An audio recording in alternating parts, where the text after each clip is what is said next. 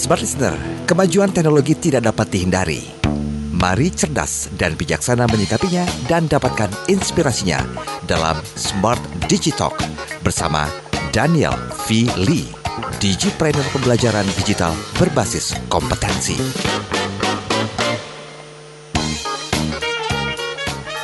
Listener, seperti yang kita tahu, industri 4.0 atau uh, revolusi industri 4.0 ini sedang diperbincangkan di mana-mana, bahkan 5.0 juga ini menjadi topik yang menarik ya untuk kita perbincangkan.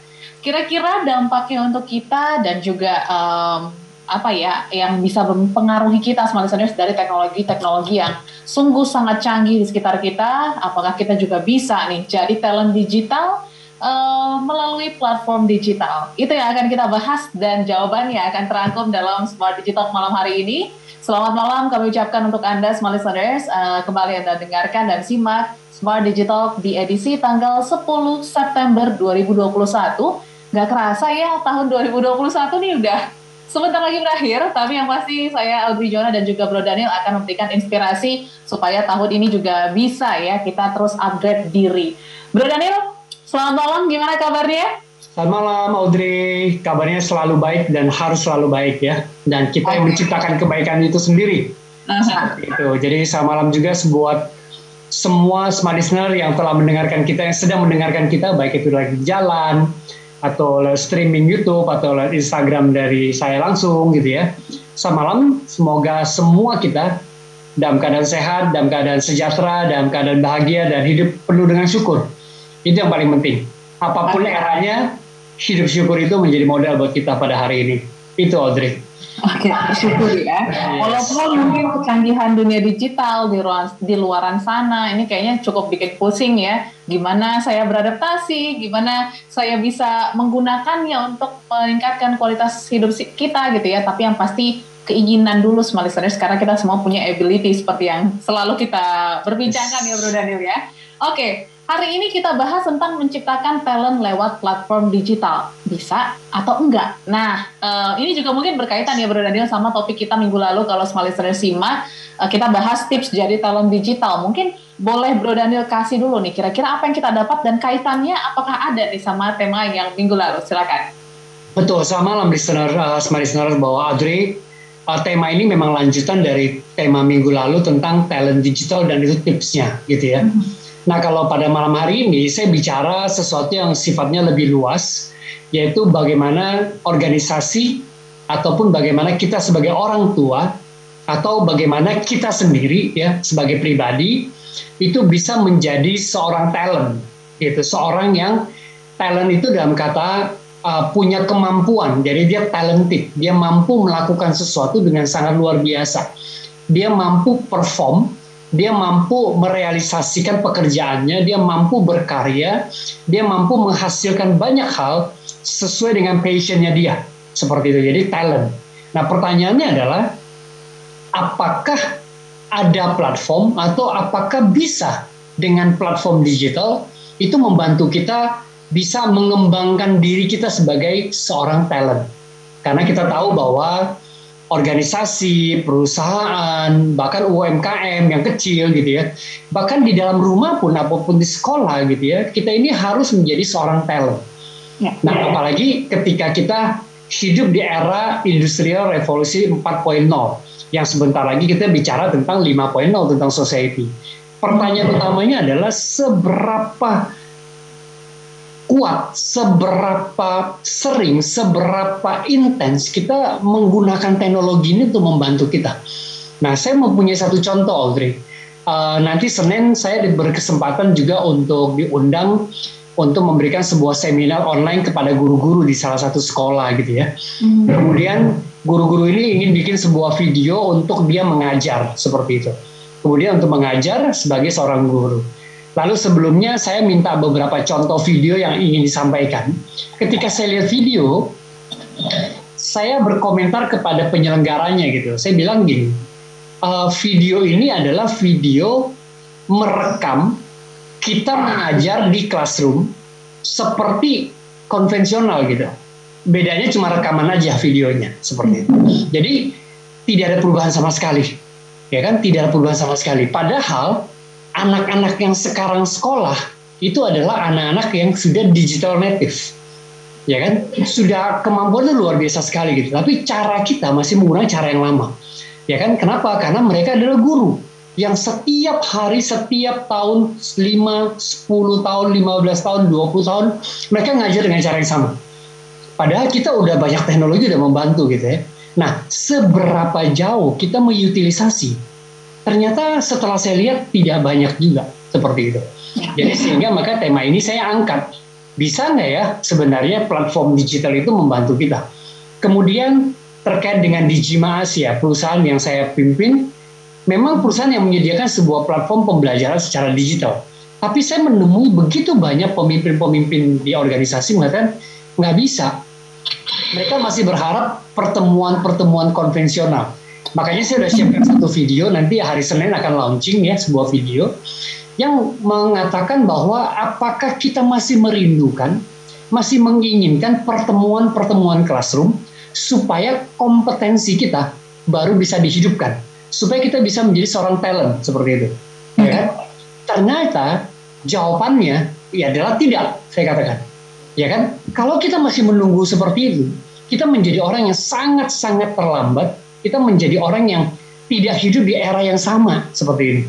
Ya kan? Kita tahu bahwa sekarang banyak sekali orang-orang mengembangkan potensi dalam diri mereka menjadi orang yang sangat talented melalui belajar sendiri lewat platform-platform yang udah ada. Seperti itu. Nah ini malam hari ini sebenarnya saya tidak mengajarkan, saya tidak memberitahu, tapi saya sebenarnya ingin membangunkan sebuah kesadaran bahwa platform itu sudah ada, bahwa melalui media digital kita tuh bisa menjadi seorang talent yang luar biasa pertanyaannya bagaimana caranya kan? Nah itu. Oke, okay. tapi mungkin sebelum lebih lanjut kita bahas, mungkin small listeners juga masih ada yang belum paham nih sama platform digital nih Bro Daniel. Kira-kira apa nih supaya nanti bisa diterapkan ya? Mungkin apakah sosial media itu masuk platform digital atau mungkin seperti uh, kayak ruang guru atau mungkin uh, apa lagi? Nanti mungkin Bro Daniel boleh paparkan silakan. Oke, okay. kalau kita betul pertanyaan menarik ya. Kita bicara platform, namanya juga platform, platform digital. Platform digital adalah semua media digital yang bisa kita pakai. Oke. Okay. Ya kan, termasuk media sosial, mm-hmm. termasuk YouTube, ya kan, termasuk Instagram. Sebenarnya kita bisa pakai semuanya. Mm-hmm. Ya kan, nah ketika kita membuat video-video, ketika kita membuat materi-materi pembelajaran, lalu diedarkan, lalu bisa diakses oleh banyak orang, itu sudah termasuk platform sebenarnya itu sudah termasuk platform. Pertama apa yang saya mau sampaikan sih adalah ketika kita ingin mengembangkan diri kita sebagai seorang talent, sebagai seorang yang berkarya, yang sesuai dengan hasil yang punya sebuah standar, kita bukan hanya membutuhkan platform yang sifatnya untuk di sosial media saja. Seperti itu. Kalau saya mengutip apa yang disampaikan dalam workplace learning methodology yang ditulis oleh Jen Hart sama Jay Cross ya, dikatakan bahwa orang belajar itu perlu tatap muka ya kan? Ketika udah tatap muka orang belajar itu pun perlu yang namanya lewat media digital untuk dapat materi. Nah dia perlu tatap muka perlu media digital lalu itu dia perlu juga combine namanya blended learning. Ternyata tidak berhenti di situ. Sejak adanya sosial media kita bangun juga namanya social learning. Ternyata ada tiga ada empat sekarang. Jadi ada classroom ataupun face to face kemudian menggunakan digital kemudian menggunakan yang namanya blended kita uh, gabungkan. Lalu ternyata ada social learning. Social learning tuh kayak gini. Contoh kalau minggu lalu kan Audrey bilang oke okay, saya tuh lagi belajar masak pak. Saya lagi belajar masak lalu ketika dapat sebuah menu yang di share oleh teman-teman gitu ya kemudian dicoba lagi lalu dikasih uh, feedback dan lain nah itu social learning. Pembelajaran yang kita lihat sebuah sosial sebuah komunitas gitu ya. Nah ketika kita udah tahu itu oh ternyata masih ada satu namanya kolaboratif learning. Jadi belajar itu berkolaborasi. Contoh, misalnya uh, saya punya komunitas sepeda, gitu kan? Kita kita belajar bagaimana cara menaik apa mengendarai sepeda yang baik, saya benar dan lain sebagainya. Kemudian mengatur pernapasan, mengatur detak jantung dan lain sebagainya, dan juga bagaimana bersopan santun sampai akhirnya kita punya kemampuan bersepeda misalnya. Nah, itu sebuah kolaborasi jadi sangat spesifik tujuannya apa? Dalam sebuah kolaborasi saling membagikan pengalaman lewat sebuah platform. Nah, platform itu kalau kolaborasi yang paling sederhana ya lewat WA, group. ya kan? Lewat WA group kita bisa tukar-tukaran, makanya kita sering punya ada WA group, WA group tertentu kan untuk saling tukar belajar dan sebagainya. Nah, ketika kita bicara tentang lima tingkatan tadi, face to face sekarang pandemi oh saya nggak bisa face to face, kita bisa menggantikan dengan virtual seperti ini. Ya kan layar dengan layar tetap face to face. Nah, yang bahaya, yang kurang adalah tetap face to face lewat layar, tapi layarnya dimatikan. Itu yang kita perlu bahas kan. Ya, ya. virtual, perbedaannya virtual dengan online apa? Kalau kita pakai telepon saja itu kita udah online Hmm. Ya, telepon saya halo dengan Audrey dan sebagainya ngobrol itu online. Tapi ketika kita bicara face to face diganti dengan virtual adalah exactly face to face. Jadi kayak ngomong, saya ngomong emosi saya nyampe dan sebagainya menyampe presentasi oke okay semuanya. Itu sebenarnya bisa menggantikan. Nah, itu teknologi membantu. Lalu ketika saya self learning, belajar materi dari digital dan sebagainya, nah itu uh, adalah digital learningnya. Lalu kita combine lagi yang antara virtual tadi dengan belajar sendiri namanya blended learning. Lalu beberapa update, beberapa social media membantu saya untuk mengupgrade skill saya gitu, itu social learning. Lalu saya punya komunitas ataupun punya uh, grup-grup uh, khusus gitu ya ketika saya belajar dan sharing itu adalah untuk collaborative learning. Jadi Jen Hart sama J. Cross mengatakan bahwa sebenarnya di workplace learning pada saat ini di era digital kita perlu lima ini sebenarnya utilisasi lima yaitu virtual, self learning melalui media digital, lalu kita combine atau blended, lalu ada social learning dan juga ada collaborative learning. Itu Audrey. Oke. Okay. Malam hari ini kayaknya ya. Mungkin selanjutnya sudah boleh di sharing ya Bro Daniel yang kita ajak semua listeners untuk berpartisipasi malam nah. hari ini.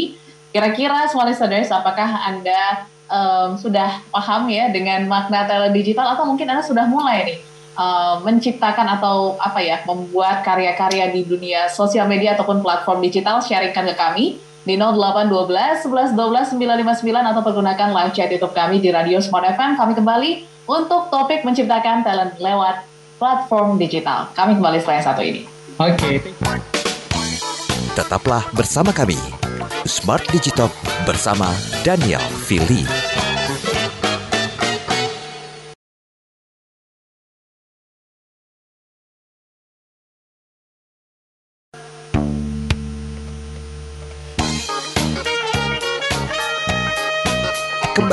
Anda ikuti Smart Digital bersama Daniel Fili.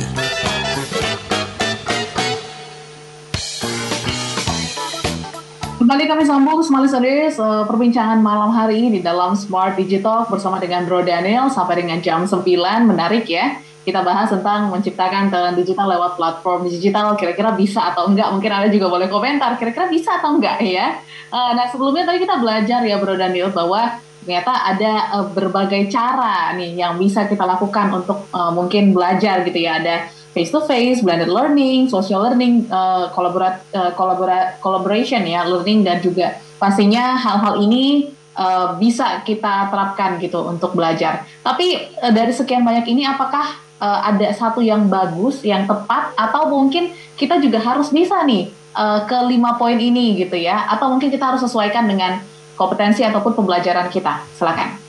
Ya, sebelum kita mau masuk kepada lima tahapan yang tadi ditulis oleh Jen Hart ataupun J. Cross dalam metodologi mereka, mm-hmm. sebenarnya yang paling penting adalah khususnya yang paling penting adalah khususnya untuk orang-orang Indonesia adalah harus mampu menimbulkan semangat belajar dalam diri mereka.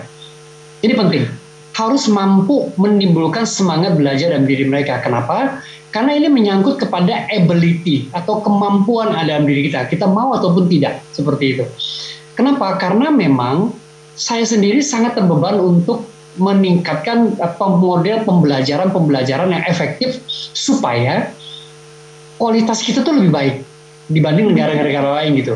Supaya apa yang dicita-citakan bangsa dan negara ini untuk menjadi bangsa yang besar, bangsa yang hebat, itu akan ditimbulkan dari keinginan curiosity kita. Salah satu tips yang kemarin kita bahas adalah curiosity, tips yang kedua.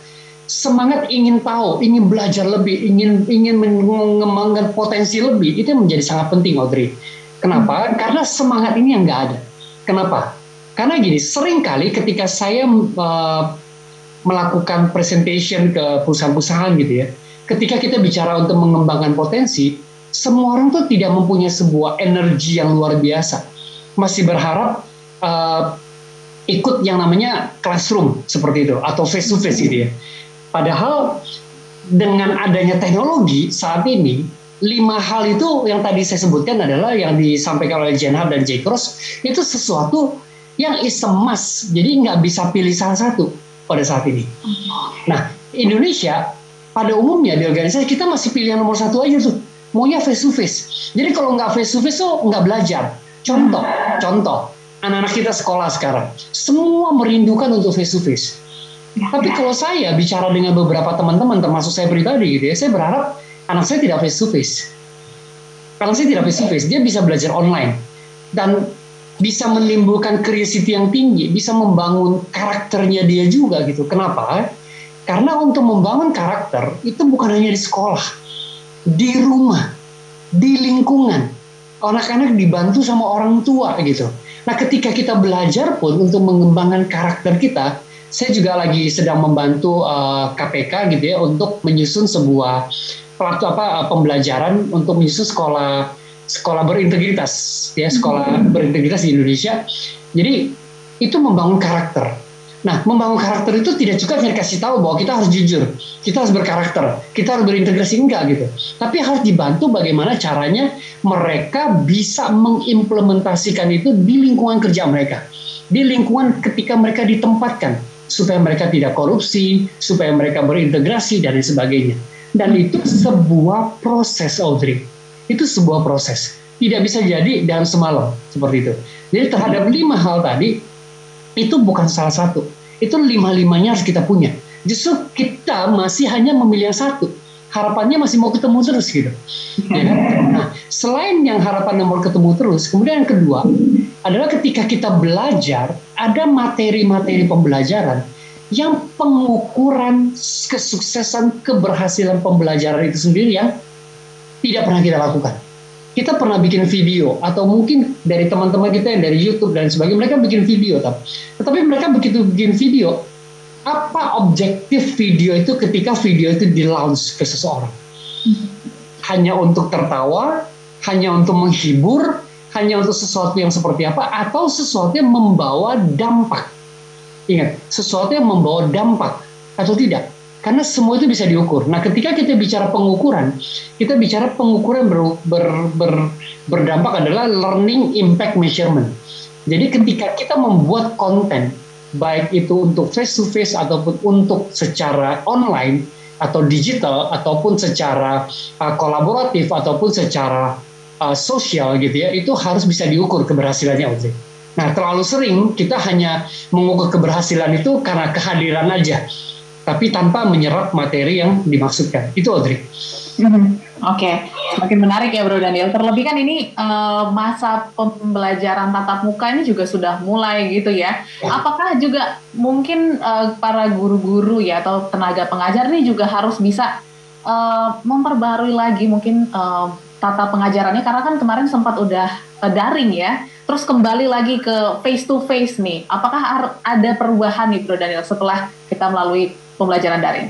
Saya tidak tahu persis apakah akan ada perubahan ataupun tidak. Tapi hmm. yang saya tahu persis akan harus kita lakukan adalah sejak adanya pandemi ini harusnya kita banyak belajar dan berubah.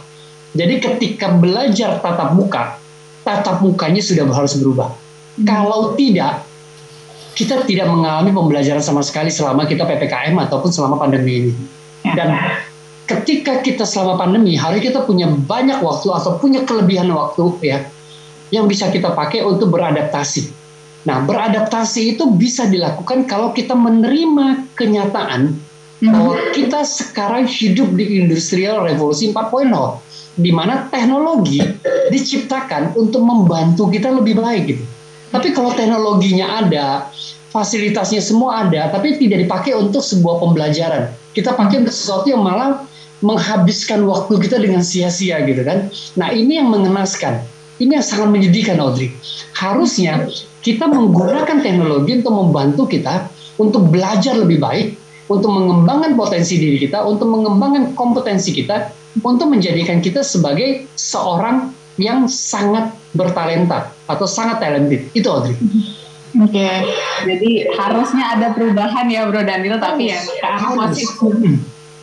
Karena terlalu cepat saya mengatakan, oh iya pasti ada perubahan. Enggak. Karena saya masih menemukan begitu banyak sekolah, hmm. bahkan dimulai dari orang tua. Orang tuanya itu pengen mengembalikan anaknya ke sekolah supaya kelihatan bahwa anak saya sekolah gitu. Mm-hmm. Ya kan? Kelihatan bahwa anak saya sekolah. Padahal kita nggak tahu apa yang dilakukan di sekolah. Tapi kalau di rumah kita tahu bagaimana gurunya mengajar, materi pembelajaran seperti apa, kemudian kita bisa melihat bagaimana anak kita bereaksi ketika mengikuti kelas-kelas itu. Dengan demikian, kita mengenal sebenarnya siapa anak kita. Kita mengenal karakter anak kita. Kita mengenal juga bagaimana anak kita menyerap materi pembelajaran itu. Apakah anak kita masih perlu kita bantu atau anak kita sudah mandiri atau tidak. Itu penting Audrey. Sejak anak-anak ini kalau kembali ke sekolah, kita tidak bisa memperhatikan itu. Ya. Dan ukuran kita anak kita berhasil apa? Rapotnya. Sembilan semua, sepuluh semua. Kita nggak tahu karakternya. Padahal pendidikan karakter, soft skill yang terkait dengan akal budi itu menjadi sangat baik, sangat utama pada saat ini. Dan itu adalah tanggung jawab kita di rumah bukan tanggung jawab sekolah. Ingat, kenapa? Karena ketika itu terjadi lebih baik, mereka akan menjadi generasi penerus bangsa yang lebih baik. Dan mereka ketika berkarya, ketika mereka bekerja, mereka akan menjadi pribadi-pribadi yang sangat-sangat berkualitas. Nanti setelah sesi ketiga saya akan menceritakan sebuah sebuah cerita yang real kejadian. Bagaimana mm-hmm. kita bisa mengembangkan diri kita dengan platform digital. Oke. Okay. Okay, Jadi okay. bukan platformnya aja, ya. tapi yang menyangkut apa sih seseorang itu akan berhasil seperti itu. Hmm. Oke. Okay. Um, sebelum kita masuk ke sesi ketiga, mungkin Bro Daniel nanti juga boleh ya bahas ya, karena ini menjadi salah satu isu juga nih ya. Um, ketika kita mungkin belajar di platform digital, mungkin ada tes atau mungkin uh, untuk mengukur kapasitas kita ya. Ini kadang ya. masih suka dirag. Ini benar atau enggak, Bro Daniel mungkin boleh luruskan ya kita masih suka apa ya uh, ada pandangan bahwa mungkin nilainya nggak nggak nggak pure gitu karena daring mungkin bisa nyontek bisa kopi atau lain sebagainya gimana nih metode mengukur kompetensi dari platform digital sendiri supaya bisa benar-benar real uh, memang sesuai dengan kompetensi yang kita miliki. Setelah ini ya, Bro Daniel ya. Oke, okay, thank you. Oke. Okay. Untuk semua listeners yang ingin bertanya juga masih kami buka kesempatan di 0812 11 12 959 atau pergunakan live chat YouTube kami. Anda juga boleh berkomentar atau mungkin absen ya. Anda ada di uh, kota mana, daerah mana, silakan bisa kirimkan di live chat YouTube kami. Kami akan kembali setelah yang satu ini. Thank you. Tetaplah bersama kami Smart Digital bersama Daniel Fili.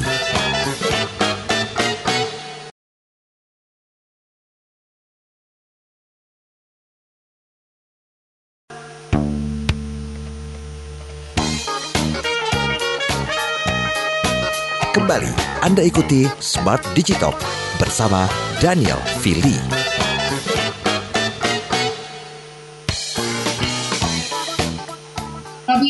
Sapa lagi semua listeners untuk Anda yang mungkin baru mendengarkan malam hari ini, baik Anda yang ada di Makassar, Manado, Balikpapan, Banjarmasin, Medan, Pekanbaru, Palembang, Yogyakarta, Surabaya, Jakarta, dan kota-kota lain di seluruh Indonesia atau mungkin di luar negeri yang sedang streaming ya. Selamat malam Anda sedang simak perbincangan menarik malam hari ini mengenai menciptakan talent lewat platform digital. Bisa atau tidak ya? Nah, tadi uh, menyambung um, perbincangan kita sebelumnya Bro Daniel. Ini masih banyak ya orang-orang yang meragukan mungkin hasil-hasil tes ataupun assessment atau mungkin eh, kursus-kursus ya dari platform digital yang hasilnya tuh diragukan karena nggak face to face tadi nih ya. Gimana kira-kira supaya orang-orang tuh mulai percaya Bro Daniel dengan uh, platform digital ini juga ternyata bisa loh menentukan uh, kadar atau kualitas kompetensi kita.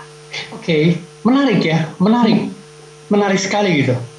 Justru ketika kita menggunakan platform digital, ingat, justru ketika kita menggunakan platform digital, pembelajaran dilakukan secara mandiri, itu akan dampak, akan melahirkan, akan menciptakan, akan memperlihatkan gitu ya, karakter seseorang Audrey.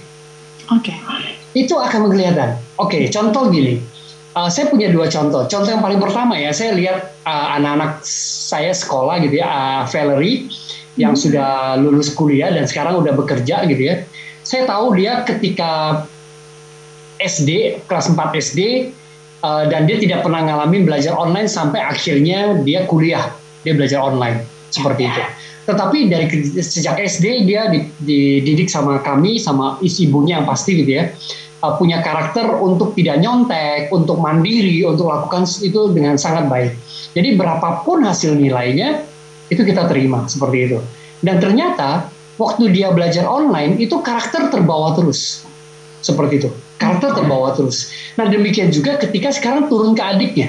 Nah ketika adiknya memang waktu adiknya masuk kelas 2, sekarang adiknya kelas 3, itu dua tahun berturut-turut belajar secara online.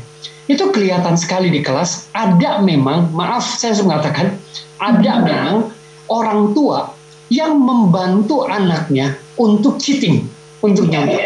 Kenapa? Karena orang tuanya tidak sanggup melihat anaknya dapat nilainya jelek. Ya. Oke. Okay? Kemudian ada orang tua yang membiarkan anak-anaknya sekolah tanpa persiapan, terlambat dan lain sebagainya. Nah semua itu kelihatan. Kalau saya sebagai pengamat atau saya seorang sebagai seorang guru, saya akan memperlihatkan bahwa berarti anak ini dari keluarga yang seperti apa itu bisa beda. Jadi menumbuhkan karakter seorang anak itu harus lahirnya dalam rumah. Dengan online, dengan pembelajaran daring, dengan pembelajaran secara sendiri, itu sebenarnya akan membantu kita untuk dewasa dan membantu kita untuk menjadi pribadi yang menghormati diri kita menjadi pribadi yang lebih baik. Kalau itu tidak bisa kita lakukan, itu sama aja ketika kita melakukan sesuatu kita selalu diawasin kamera. Nah, kenapa kita perlu diawasin kamera? Karena kita tidak jujur. Nah, sampai kapan kita akan diawasi sebagai kamera? Contoh, Audrey, kita semua pernah ngalami ketika kita kuliah kan Wah, SD, SMP, SMA kita diawasin. Tapi udah ada jamnya, pakai semua. Ketika kuliah, kamu mau datang kek, kamu nggak mau datang kek, mau belajar, mau nungguin balik, terserah. Itu apa yang dipelajari? Itu diajarkan tentang tanggung jawab. Ketika kita bekerja, ketika kita berkarya, ketika kita menjadi pemimpin di sekolah, eh sorry di uh, jadi pemimpin di sebuah organisasi, pemimpin di perusahaan kita, ataupun kita berkarya bagi orang lain, berkarya bagi diri sendiri, bagi diri sendiri, semuanya itu dituntut untuk punya karakter yang bisa mandiri.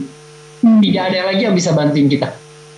Tapi kalau dari sejak kecil kita nyontek, Sejak kecil kita ngambil barang orang lain, sejak kecil kita juga cheating, sampai kita juga belajar juga tidak bisa dipercaya lagi, ya seterusnya kita akan menjadi pribadi yang tidak bisa percaya. Nah pertanyaannya adalah, apakah itu tidak ada risiko? Semua ada risikonya. Di dunia ini pasti ada yang buruk, ada yang baik. Ada yang abu-abu seperti itu. Tapi ketika kita bicara tentang utilisasi teknologi, teknologi itu kan selalu diciptakan untuk mempermudah hidup kita, untuk membantu manusia, supaya manusia bisa bekerja, bisa berkarya, dan bisa menghasilkan sesuatu yang tidak mampu dihasilkan oleh mesin. Mm-hmm. Tapi di other side, hadirnya teknologi membuat kita malas kan? Membuat kita tidak mau ngapa-ngapain gitu. Nah itu sisi yang salah. Pasti oh, iya. akan ada dua sisi mata uang tadi, Audrey. Kita memilih yang mana? Kalau saya, dan saya selalu berharap saya jujur belajar daring self learning itu akan membantu saya lebih baik. Bahkan di olahraga pun kadang-kadang hmm. ada orang nitip nitip Strava. So, kalau virtual ya. Jadi bukan dia yang lari atau bukan yeah. dia olahraga gitu. Ada uh -huh. seperti itu. Ya memang karakternya seperti itu ya apa boleh buat? Ya kan?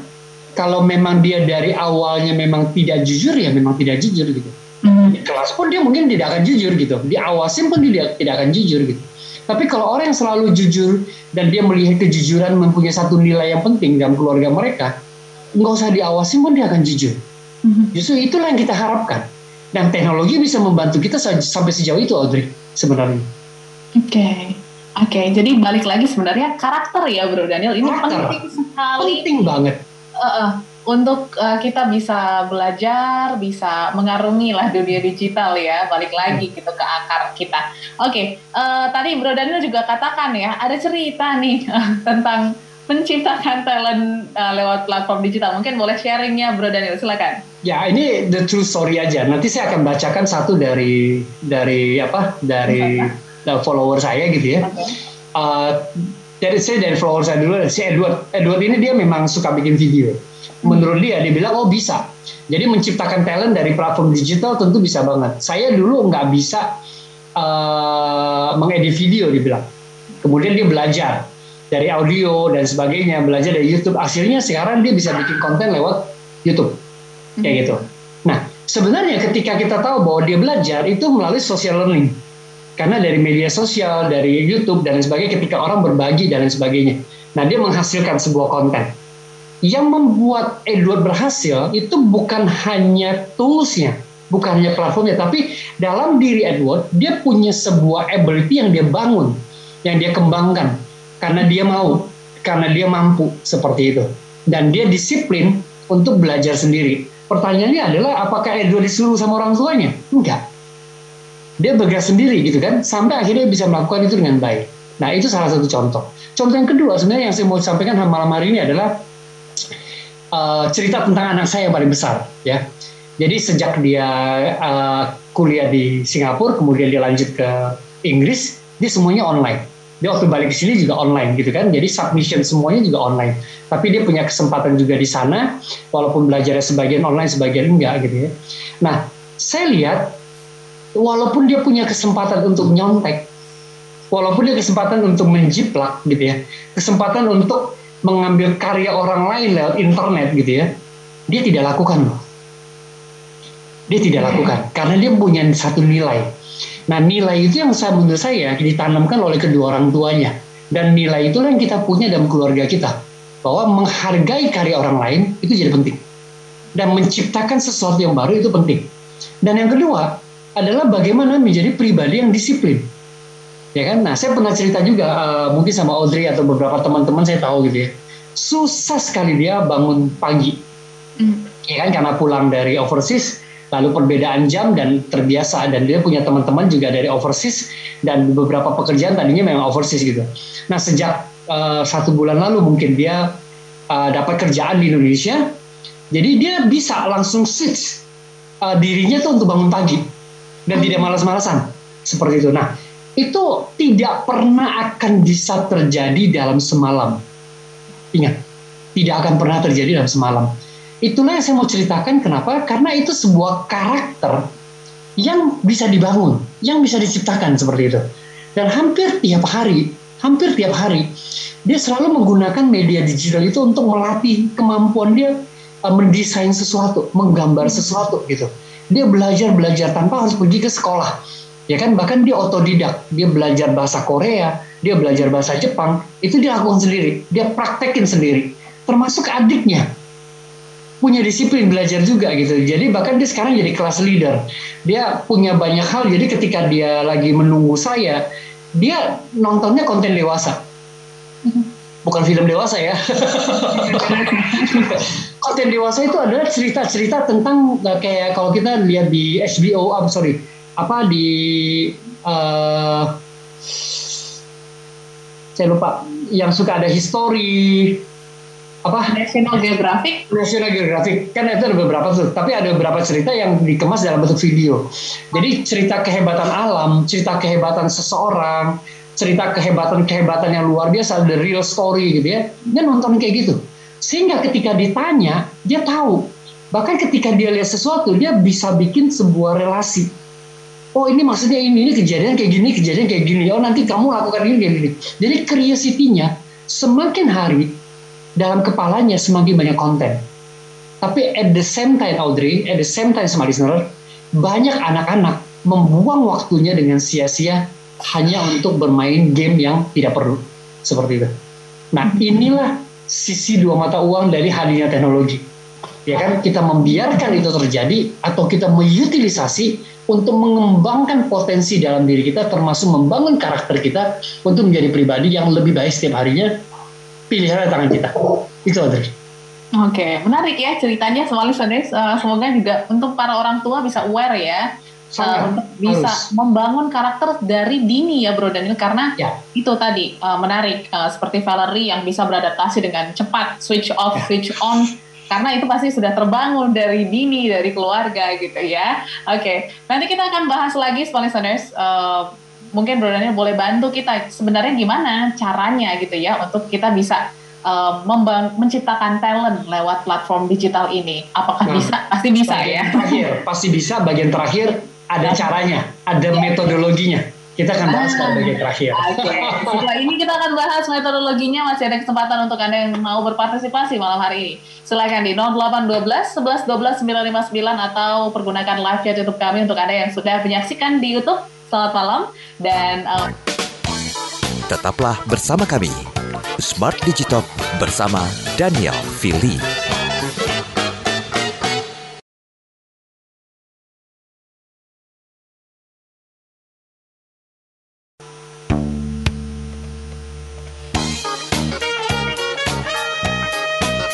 Kembali Anda ikuti Smart Digital bersama Daniel Fili.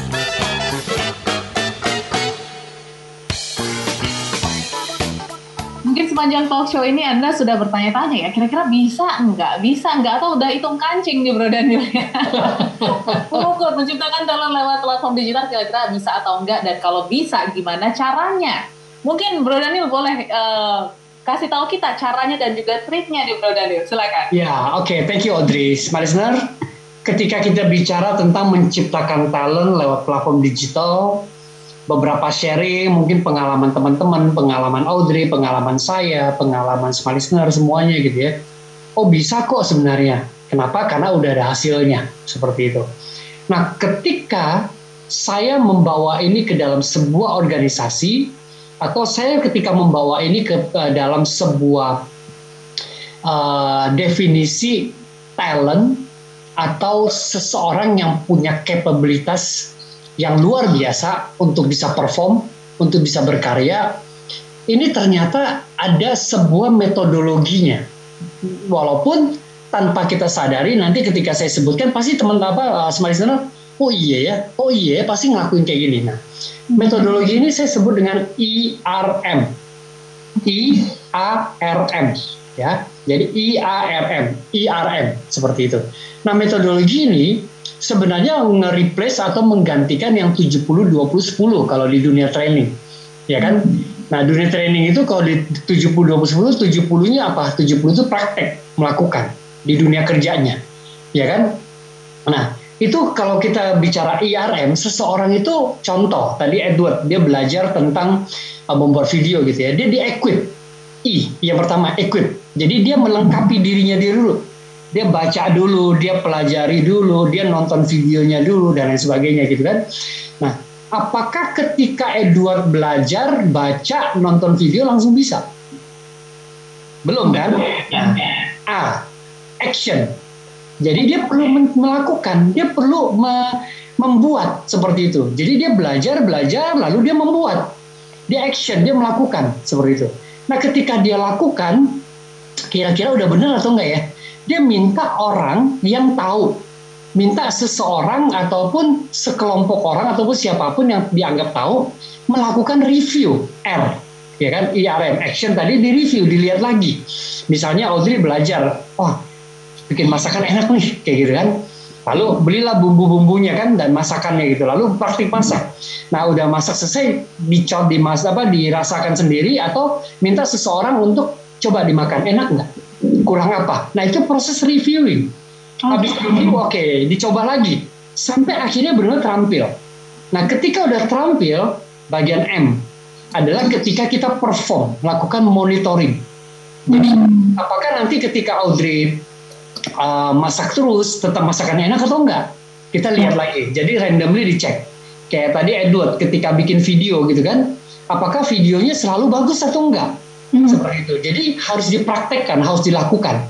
Jadi secara berkala itu diperiksa dilihat apakah dia terus mengembangkan atau enggak. Jadi IRM kita equip kita action lalu minta di review kalau kurang oke okay, kita balik lagi action sampai benar oke okay, begitu oke okay, baru kita terjun ke lapangan terjun ke dunia kerja kita memproduksi video, menjual video, buat restoran, masak makanan, berani dijual dan lain sebagainya. Kenapa? Karena udah terampil seperti itu.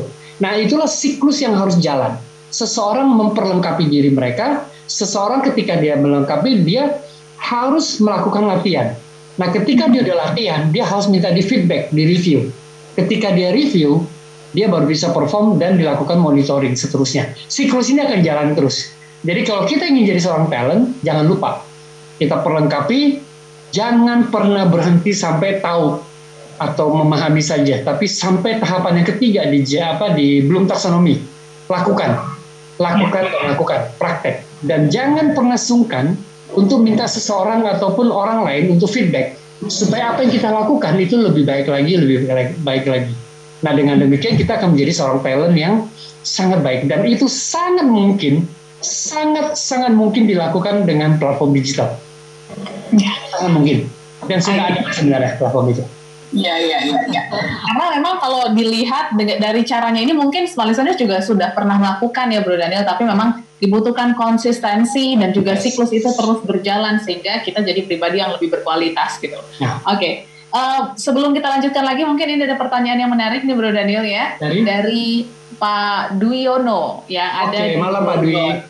Um, saya seorang HR nih, Bro Daniel, dan um, pastinya kan di orga, di satu organisasi atau perusahaan itu biasanya ada ketimpangan talent ya. Nah ini gimana nih supaya bisa menggunakan platform digital supaya mereka bisa setara kompetensinya gitu. Silakan.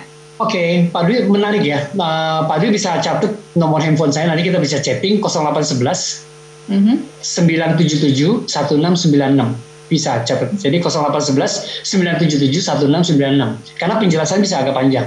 Tetapi ketika kita bicara kesamaan kompetensi, pertama kompetensi apa dulu nih? Kompetensi terkait untuk menggunakan teknologi hmm. atau kompetensi dia untuk bekerja nih.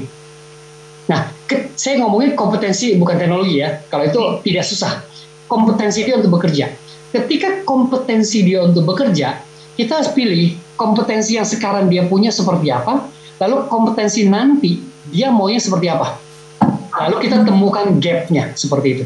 Nah, ketika kita tahu gapnya, ketika dia mendaftar, ketika dia belajar melalui platform ini, platform ini akan menyediakan materi apa saja supaya gap tersebut terpenuhi. Nah, berapa lama dia menyelesaikan itu? Dan itu bisa dilakukan. Saat ini kami sudah melayani beberapa perusahaan besar gitu ya, dan itu ternyata sangat membantu. Jadi katakanlah misalnya Audrey dengan siapa? Tasya sama-sama penyiar. Ya hmm. tapi begitu terdaftar di dalam platform pembelajaran ini kompetensinya beda gapnya beda cara fulfillnya beda. Nah itu bisa ketahuan. Dan proses belajarnya itu masing-masing. Tergantung Tasya tergantung Audrey gitu ya berapa lama. Kalau Audrey rajin Tasyanya males misalnya gitu kan. Hmm. nah Audrey mungkin lebih cepat berhasil seperti itu. Dan itu sangat mungkin. Nah itu kita bicara secara formal. Prosesnya udah ada. Dan itu sebenarnya tidak terlalu susah untuk kita lakukan. Dan memang saat ini sebenarnya yang membuat susah adalah di HR, Bapak sebagai yang memaintain data karyawan, penyelenggara trainingnya orang lain seperti itu, ya kan? Yang melakukan training orang lain lagi, kemudian yang menggunakan hasil training tadi si orang tadi orang lain lagi itu tidak dalam sebuah sistem, sebuah proses yang saling bertautan di situlah lag-nya sebenarnya. Akhirnya kita banyak membuang uang untuk melakukan training, mengirim orang untuk ikut training sehingga membuang waktu dan lain sebagainya. Tetapi hasilnya tidak kita lihat secara langsung atau tidak kita rasakan karena tidak dalam sebuah sistem yang sama. Itu Audrey. Oke, itu dia Pak Duyono. Semoga membantu kalau kalau misalnya ingin tahu lebih lanjut mungkin boleh kontak Bro Daniel ya, atau mungkin ke Instagram Bro Daniel boleh di DM di @danielveli ya. Yes. Oke. Nah, ini ada lagi satu komentar nih, uh, Bro Daniel, dari Mbak Gita yang katanya kalau saya dulu pernah nih Bro Daniel belajar bahasa Inggris ya, karena dulu uh, saya ingat banget di sekolah tuh bahasa Inggrisnya nggak terlalu bagus uh, karena pembelajarannya kurang, cuma belajar how are you gitu doang. Oke, okay. terus akhirnya Mbak Gita ini belajar ya dari channel YouTube dan uh, sekarang alhamdulillahnya saya jadi belajar uh, jadi oke okay, jadi tutor nih untuk oh, iya, mengajarkan iya. anak-anak SD. Jadi saya les, uh, ngeles nih Bro Daniel dan sudah menghasilkan. Boleh dikasih tanggapan ya. Bro Daniel. Nah, Mbak, Mbak Gita ini menarik banget contoh ya. Uh, saya juga sangat sedih sebenarnya ketika nonton TV lokal lalu penyajian pembelajaran bahasa Inggris masih menggunakan metode tahun jadul kalau saya bilang. Ya kan? Uh, persis kayak sharing Bu, uh, Mbak Gita ya, anak kelas 4 SD, kelas 5 SD bahkan itu baru belajar tentang how are you, how are you today, ya kan? What do you feel baru seperti itu. Ada anak TK, anak SD kelas 1 bahasa Inggrisnya udah lancar minta ampun, ya, ya kan? Gimana kita tidak tertinggal seperti itu? Tipsnya gampang sebenarnya. Pasti Mbak Gita setuju sama saya kalau disempat ketik ya. Jadi gini, belajar bahasa itu karena saya pernah bikin konten belajar bahasa. Belajar bahasa itu persis seperti kita sebagai anak-anak emang dari kecil ketika kita lahir, ketika kita belajar ngomong, orang tua kita ngajarin kita pakai bahasa Indonesia yang baik dan benar nggak? Enggak kan? Enggak juga. Belajar nggak tentang SPOK, subjek, predikat, objek, keterangan? Enggak kan? yang penting bisa ngomong dulu. Nah, ketika kita belajar bahasa Inggris, yang paling susah itu ngomong, conversation gitu. Kenapa? Karena perlu confidence gitu. Nah, belajar dulu kayak kita ngomong mama, papa, makan gitu kan. Kan lama-lama hmm. vocabnya banyak tuh ya kan? Oke banyak terlatih. Jadi itu menjadi sebuah kebiasaan sampai nanti ketika kita dewasa baru kita bisa menyusun kalimat yang tadinya kurang tepat itu menjadi hmm. lebih tepat. Tadinya tidak formal menjadi lebih formal. Lalu ketika kita dewasa, kita belajar dari dictionary lagi untuk menambah vocabulary kita. Kita belajar dari uh, orang native-nya untuk mengetahui bahwa penggunaan kata yang formal sama yang tidak formal kata untuk orang native sama bukan native seperti itu. Ya kan? Hmm. Dan itu melalui banyak video. Kenapa? Kalau enggak kita belajarnya apa? 26 tenses. Padahal nggak dipakai semua ya Bro Daniel kalau kita ngomong ya. Bahkan ya, bahkan saya belajar langsung dari orang British yang dia mengatakan kadang-kadang saya juga bingung sama bahasa Inggris dibilang nggak konsisten nggak konsisten. Jadi ketika nah. ada beberapa words yang dia sampaikan gitu, saya juga bingung. Ya udah, pokoknya by feeling aja. Oke, okay, jadi karena at the end kita tuh bukan writer, kecuali kamu writer. Kita tuh bukan jurnalis. Hmm. Kita tuh bukan seorang yang kerja di lab untuk menulis skrip apa skrip gitu loh. Itu beda. Karena itu ada ilmunya lagi seperti itu kan. Tapi ketika kita untuk kebutuhan bicara sehari-hari, untuk membangun sebuah komunikasi dan tidak misleading is more than enough. Seperti itu. Mudah-mudahan Mbak kita setuju sama saya. Makanya dia bisa jadi tutor. Jadi kalau dia jadi tutor, ngajarin ngomong aja, ajak ngobrol terus. Makanya kalau kita belajar punya pacar orang-orang bule kan cepet pasti ngomongnya, tapi suruh nulis nggak bisa. yang penting pede deh bro dan pokoknya ya. Karena pede itu yang susah. Ah, Oke, okay. dan uh, ini sudah uh, di penghujung perbincangan kita, Bro Daniel. Sudah yes. um, habis waktu kita. Yang pasti kita ingatkan kembali ya.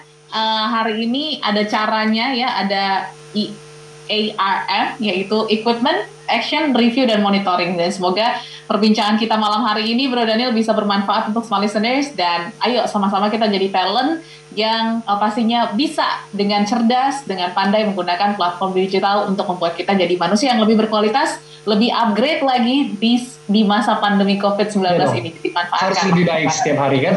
Yes. Terima kasih juga Bro Daniel sudah berbagi hari ini. Semoga sehat-sehat selalu kita jumpa minggu depan ya dalam Smart Digital. Smart listeners juga yang sudah berpartisipasi mohon maaf apabila ada respon yang belum sempat terbaca. Kita jumpa minggu depan dengan topik-topik yang menarik lagi pastinya. Dan waktunya kami berdua untuk pamit. Saya Audrey Juana. Saya Daniel Feli. Smart Digital. Smart Digital membangun manusia sosial, sosial cerdas, cerdas berkualitas. Bye-bye. Sampai jumpa. Okay.